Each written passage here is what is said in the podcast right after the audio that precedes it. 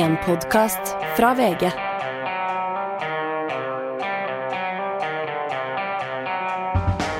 Norges modigste kvinne, Shabana Rehman, er død. Dette er Gjever og gjengen med en ekstra episode torsdag den 29. desember.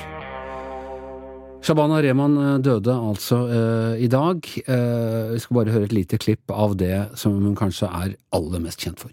Hvorfor du spør engelsk Nei, nei, vent litt.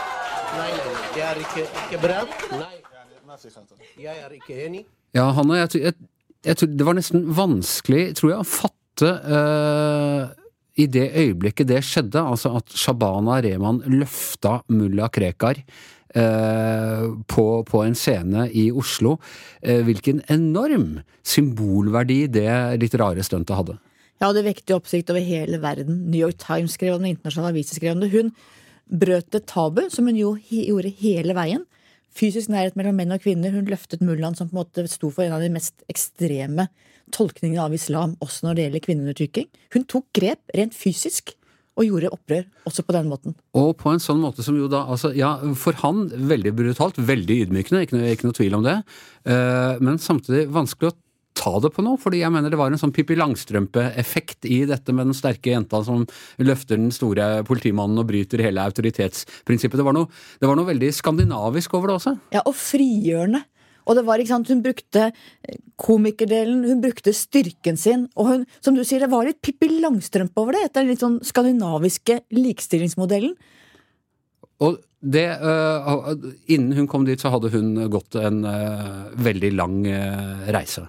Ja, og Jeg møtte henne første gang da hun var sommervikar her i VG på midten av 90-tallet. Jeg husker vi var på Utøya sammen. Eh, og hun skulle ha en sånn egen spalte. Og, og, og så vokste hun jo fram etter hvert som eh, komiker. Hun sto fram i, i Rikets tilstand for første gang hvor de filmet hennes komiker, komikerdebut, rett og slett. Um, og så ble hun både spaltist og komiker, og var sylskarp og brøt barrierer hele veien. Og gjorde altså blant annet eh, noe av det jeg kanskje øh, vil huske best utover det øh, mulla-løftet, det var jo at hun sto, sto fram naken, malt bare i det norske flagg på forsida av øh, Dagbladet-magasinet. Og det var, det var mange Altså, det brøt jo langt inn i norske tabuer og, og fordommer og sånn også. Ja, og det var det som var så fascinerende og så kult med Shabana, at hun, hun brøt grenser alle veier og utfordret alle veier. Det var ingen som eide henne. Og det er klart, det å være naken i det norske flagget, det hun var opptatt av alltid, var at alle nordmenn, uansett bakgrunn, uansett hvor besteforeldre kom fra, om det var fra Punjab eller fra Gjøvik, hadde de samme rettighetene. Samme individuelle rettighetene til frihet, til livsvalg, til å gjøre det man ville ut av livet sitt. Og hun sa at ok, nordmenn i Norge pakistanske nordmenn, eh, jødiske nordmenn, uansett, hadde samme rettigheter. Og det flagget hvor hun var imalt flagget med naken hud, det var på en måte symbolet på alt dette. Og hvor kom disse ideene hennes fra? Og, og den, det hva skal jeg si, prosjektet hennes, hvor, hvor kom det fra? Hun var en ganske vanlig jente fra, fra Groruddalen. Ja, Fra Holmlia. Ja, Holmlia, ja. Shabana var en, eh, en helt vanlig norsk jente som var helt uvanlig. Husk på, hun kom til Norge da hun var ett år. Da hun begynte på skolen som sjuåring, så kunne hun ikke snakke norsk. Hun hadde vokst opp i en veldig sånn pakistansk-pakistansk familie. Men hun var supersmart. Og så hadde hun en lærer som hun snakket ofte om, Tora Mele, eh, som var den som så Shabana. Tok henne hjem. Eh, mannen til Tora eh, var professor i litteratur, tror jeg. Han viste henne bøkenes verden. Eh, Tora fortalte foreldrene hvordan Shabana måtte være med på svømmeundervisning, være med på klasseturer. Hun var på en måte et veldig veldig viktig menneske i Shabanas liv. Så det forteller noe om både Shabanas egenart som menneske, men også om hva en lærer, enkeltlærer kan bety i et menneskes liv. Og, det, ja, og dette ser vi har jo gått igjen med, med flere av de norsk-pakistanske som eh, liksom har blåst litt opp og, og blitt eh, ledende for sin generasjon, blant annet Abid Raja. Altså én lærer eller flere lærere som virkelig så ham og, og, og tok grep. Ja, Han har jo snakket mest om en bibliotekar som også på en måte ga han bøkene, og som når han kom inn på biblioteket og hun ikke var her, så snudde han i døra.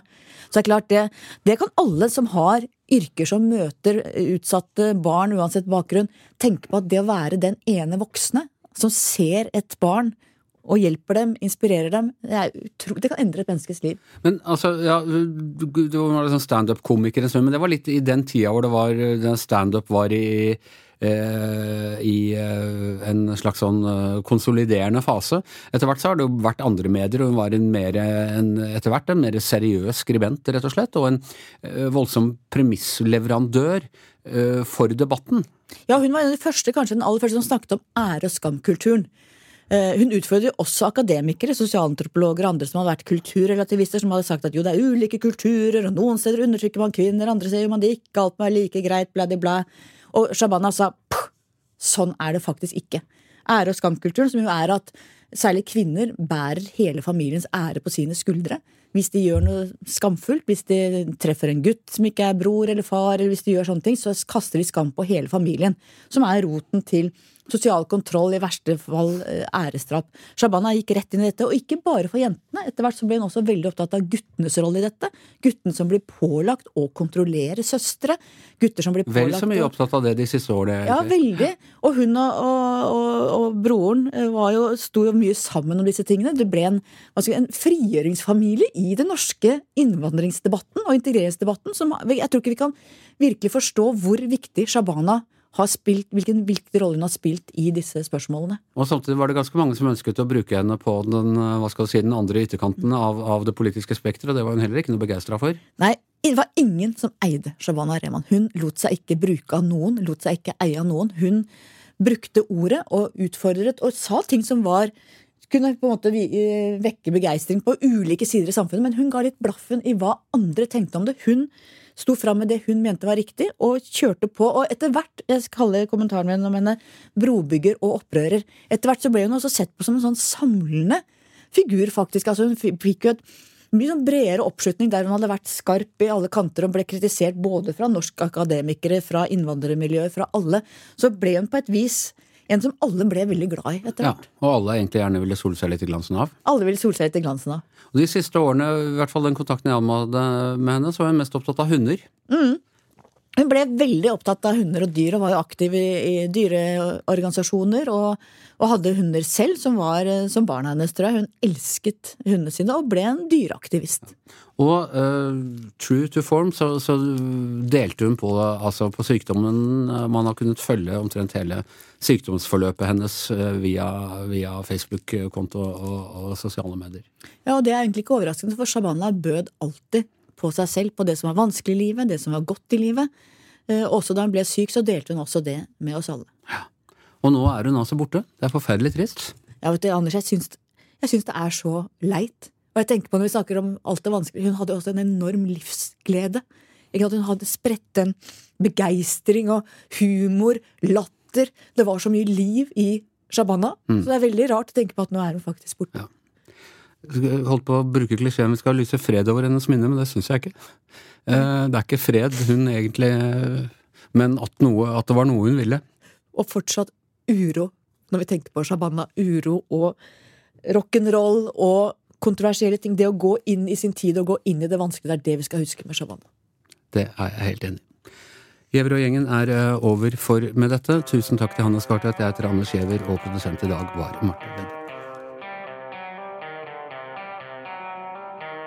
En podkast fra VG.